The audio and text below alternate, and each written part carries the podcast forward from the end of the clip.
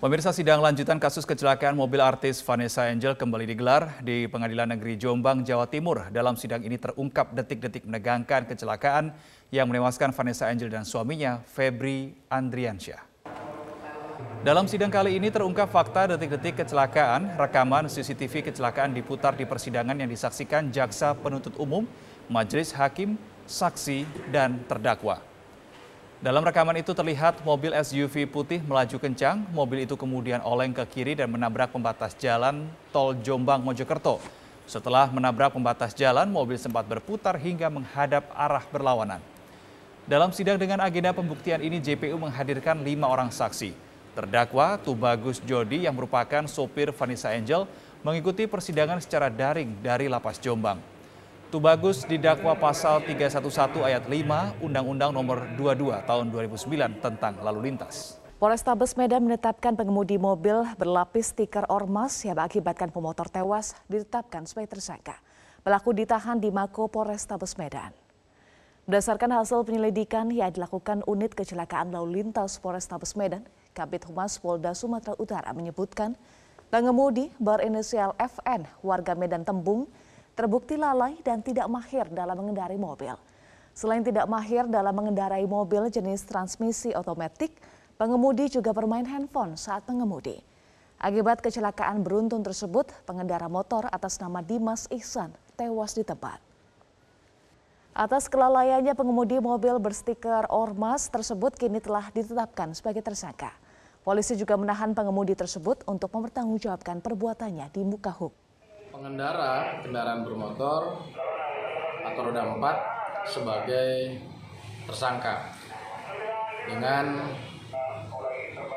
pasal yang diterapkan adalah pasal 310 ayat 4 Undang-Undang nomor 22 tahun 2002 ulangi tahun 2009 tentang lalu lintas dan angkutan jalan. Statusnya yang bersangkutan ditahan dan ancaman hukumannya enam tahun. Juga pemirsa, sejumlah wilayah khususnya di wilayah aglomerasi DKI Jakarta sepakat menghentikan pembelajaran tatap muka seiring dengan ditemukannya sejumlah kasus COVID-19 di lingkungan sekolah. Lalu apakah pembelajaran jarak jauh menjadi solusi terbaik saat ini? Kita akan membahasnya bersama dengan Koordinator Nasional Perhimpunan Pendidikan dan Guru, Satriwan Salem. Selamat pagi, Pak Satriwan. Selamat pagi, Mas Reno, Mbak Eva. Gimana kabar? Baik. Alhamdulillah kita semuanya baik semua Pak Satriwan terkait dengan uh, keputusan pemerintah pusat yang akhirnya merestui untuk wilayah DKI Jakarta dan aglomerasinya uh, menerapkan uh, PTM 50%. Apakah Anda setuju dengan keputusan ini? Apakah seharusnya PTM 50% atau full semuanya adalah Yang pertama memang kita kaget ya melihat uh, apa lonjakan kasus ya, istilahnya ngegas gitu ya 27 ribu kasus gitu Uh, dan ini tentu membuat kita para ya kami ya para guru, kemudian orang tua, kemudian siswa itu pasti cemas lah kan. Gimana kita harus mengajar datang ke sekolah setiap hari uh, normal layaknya tahun 2019. Maksud saya normal dalam artian durasinya gitu ya Senin sampai uh, Sabtu atau Senin sampai Jumat. Kemudian juga apa namanya yang siswa masuk itu 100% gitu kan. Jadi kan sama dengan 2019. Uh, ketika Pak Anies Baswedan eh, beberapa hari lalu menyampaikan uh, apa namanya rencana untuk menunda atau menghentikan PTM 100% selama satu bulan ke depan, kami sangat mendukung sebenarnya gitu. Cuman kan sayang uh, di akhir kemudian keluar uh, keputusan ya rilis dari Kemdikbudristek bahwa uh, opsinya menjadi 50% gitu kan. Jadi PTM terbatas 50%. Nah, kami sih berharapnya dengan kondisi sekarang ya, dengan kondisi yang sekarang di daerah aglomerasi ini, uh, Jakarta, Jabodetabek, itu dihentikan sementara dulu gitu kan, uh, kira-kira satu bulan ke depan gitu. Jadi betul-betul PJJ karena kami melihat uh, selama ini pembelajaran jarak jauh di Jabodetabek relatif lebih efektif ya, relatif ya lebih efektif karena ditunjang oleh infrastruktur digital, kemudian kepemilikan gawai yang baik, kemudian jaringan internet yang relatif bagus juga gitu ya di daerah Jabodetabek. Sehingga itu dapat dilakukan gitu. Nah, tapi kalau masih masuk 50 persen, uh, saya rasa resikonya masih besar gitu ya. Karena kan kita tahu uh, P2G me, apa, melakukan evaluasi setelah kita mulai PTM 100% kemarin ya 3 Januari, uh, memang banyak terdapat pelanggaran-pelanggaran prokes baik itu uh, di sekolah maupun pulang sekolah gitu ya, termasuk di DKI Jakarta sendiri. Uh, misalnya uh, ventilasi udara gitu ya, kita tahu banyak sekolah yang ada AC-nya, ya mereka tidak membuka gitu ya uh, ruang sirkulasi udaranya kan gitu. Kemudian juga jarak satu meter ini rasanya sulit ya, apalagi yang kemarin ya, karena 100% yang masuk, jarak satu meter agaknya juga uh, apa uh, susah dilakukan. Kemudian kantin juga ya, kantin ada yang diam-diam buka gitu. Jadi memang uh, walaupun masuk 50%, resikonya tetap ada. Iya, Anda menyarankan sebaiknya PJJ 100%, tetapi opsi yang akhirnya diambil adalah PTM terbatas ya, 50%. Nah ini diambil keputusan ini karena banyak tenaga pendidikan dan juga siswa yang positif COVID-19. Nah dari pantauan P2G memangnya sejak 10 Januari PTM 100%, ini bagaimana sebetulnya penerapan protokol kesehatan di sekolah? Ya, kalau di Jakarta kita uh, spesifikkan, uh, kami dapat informasi sudah ada 190 ya sekolah hmm. yang uh, tutup gitu ya. Uh, apa karena ada siswa kemudian gurunya yang terpapar gitu. Bahkan ada yang dua kali ya. Uh, di Jakarta Timur misalnya kemudian di Jakarta Selatan gitu ya. Uh, SMA gitu. Sudah uh, dua kali gitu uh, ditutup gitu. Yeah. nah jadi uh, kalau kita lihat pelanggaran pelanggarannya misalnya tadi saya katakan uh, berkerumun di awal di depan gitu ya ketika mau masuk karena jamnya bersamaan kan. Kemudian pulang sekolah juga demikian gitu. Mereka nongkrong hmm. nongkrong di Bogor gitu ya. Kantin-kantin juga buka gitu ya secara normal. Padahal kalau merujuk SKB 4 Menteri kantin itu kan dilarang dibuka ya. Kemudian hmm. tadi uh, apa ruang sirkulasi udaranya uh, itu uh, banyak yang yang tidak membuka gitu kan karena misalnya ada AC tadi gitu kan. Nah itu di antara pelanggaran-pelanggaran termasuk yang jarak satu meter yang tidak bisa itu. Pemirsa Presiden Joko Widodo merespon lonjakan kasus COVID-19 yang mencapai lebih dari 27 ribu kasus baru.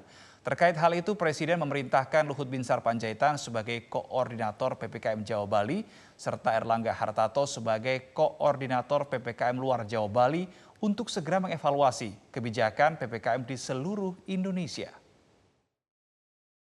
Bapak Ibu, saudara-saudara sekalian, saya juga telah memerintahkan Menko Marinvest selaku koordinator PPKM Jawa dan Bali serta Menko Perekonomian selaku koordinator PPKM luar Jawa Bali untuk segera mengevaluasi level PPKM. Saya minta kepada gubernur, bupati, wali kota, dan jajaran pemerintah daerah dibantu jajaran TNI dan Polri untuk memastikan penerapan protokol kesehatan dilaksanakan oleh masyarakat dan vaksinasi terus dijalankan dan dipercepat. Sebagai penutup, saya kembali mengingatkan masyarakat untuk tetap tenang dalam menghadapi berbagai varian baru COVID-19. Tetap disiplin, menjaga protokol kesehatan, dan kurangi aktivitas yang tidak perlu. Bagi yang belum divaksin agar segera divaksin. Bagi yang sudah divaksin lengkap dan sudah waktunya untuk disuntik vaksin penguat, booster, agar segera vaksin booster.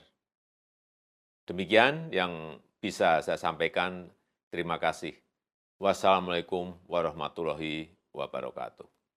Ya, kemudian muncul pertanyaan pemirsa, mengapa minyak sayur tiba-tiba menjadi barang yang gaib dan sulit diperoleh? Kita akan membahasnya bersama dengan anggota Komisi 6 DPR RI, fraksi Nasdem, Bapak Rudi Hartono Bangun. Selamat pagi Pak Rudi, salam sehat Pak. Sehat, salam sehat. Iya, Reno dan juga Pak Rudi, ini menjadi ironi. Indonesia salah satu negara atau negeri yang paling dengan paling banyak perkebunan sawit bahkan termasuk terluas di dunia, tentu juga salah satu penghasil minyak goreng terbesar dunia.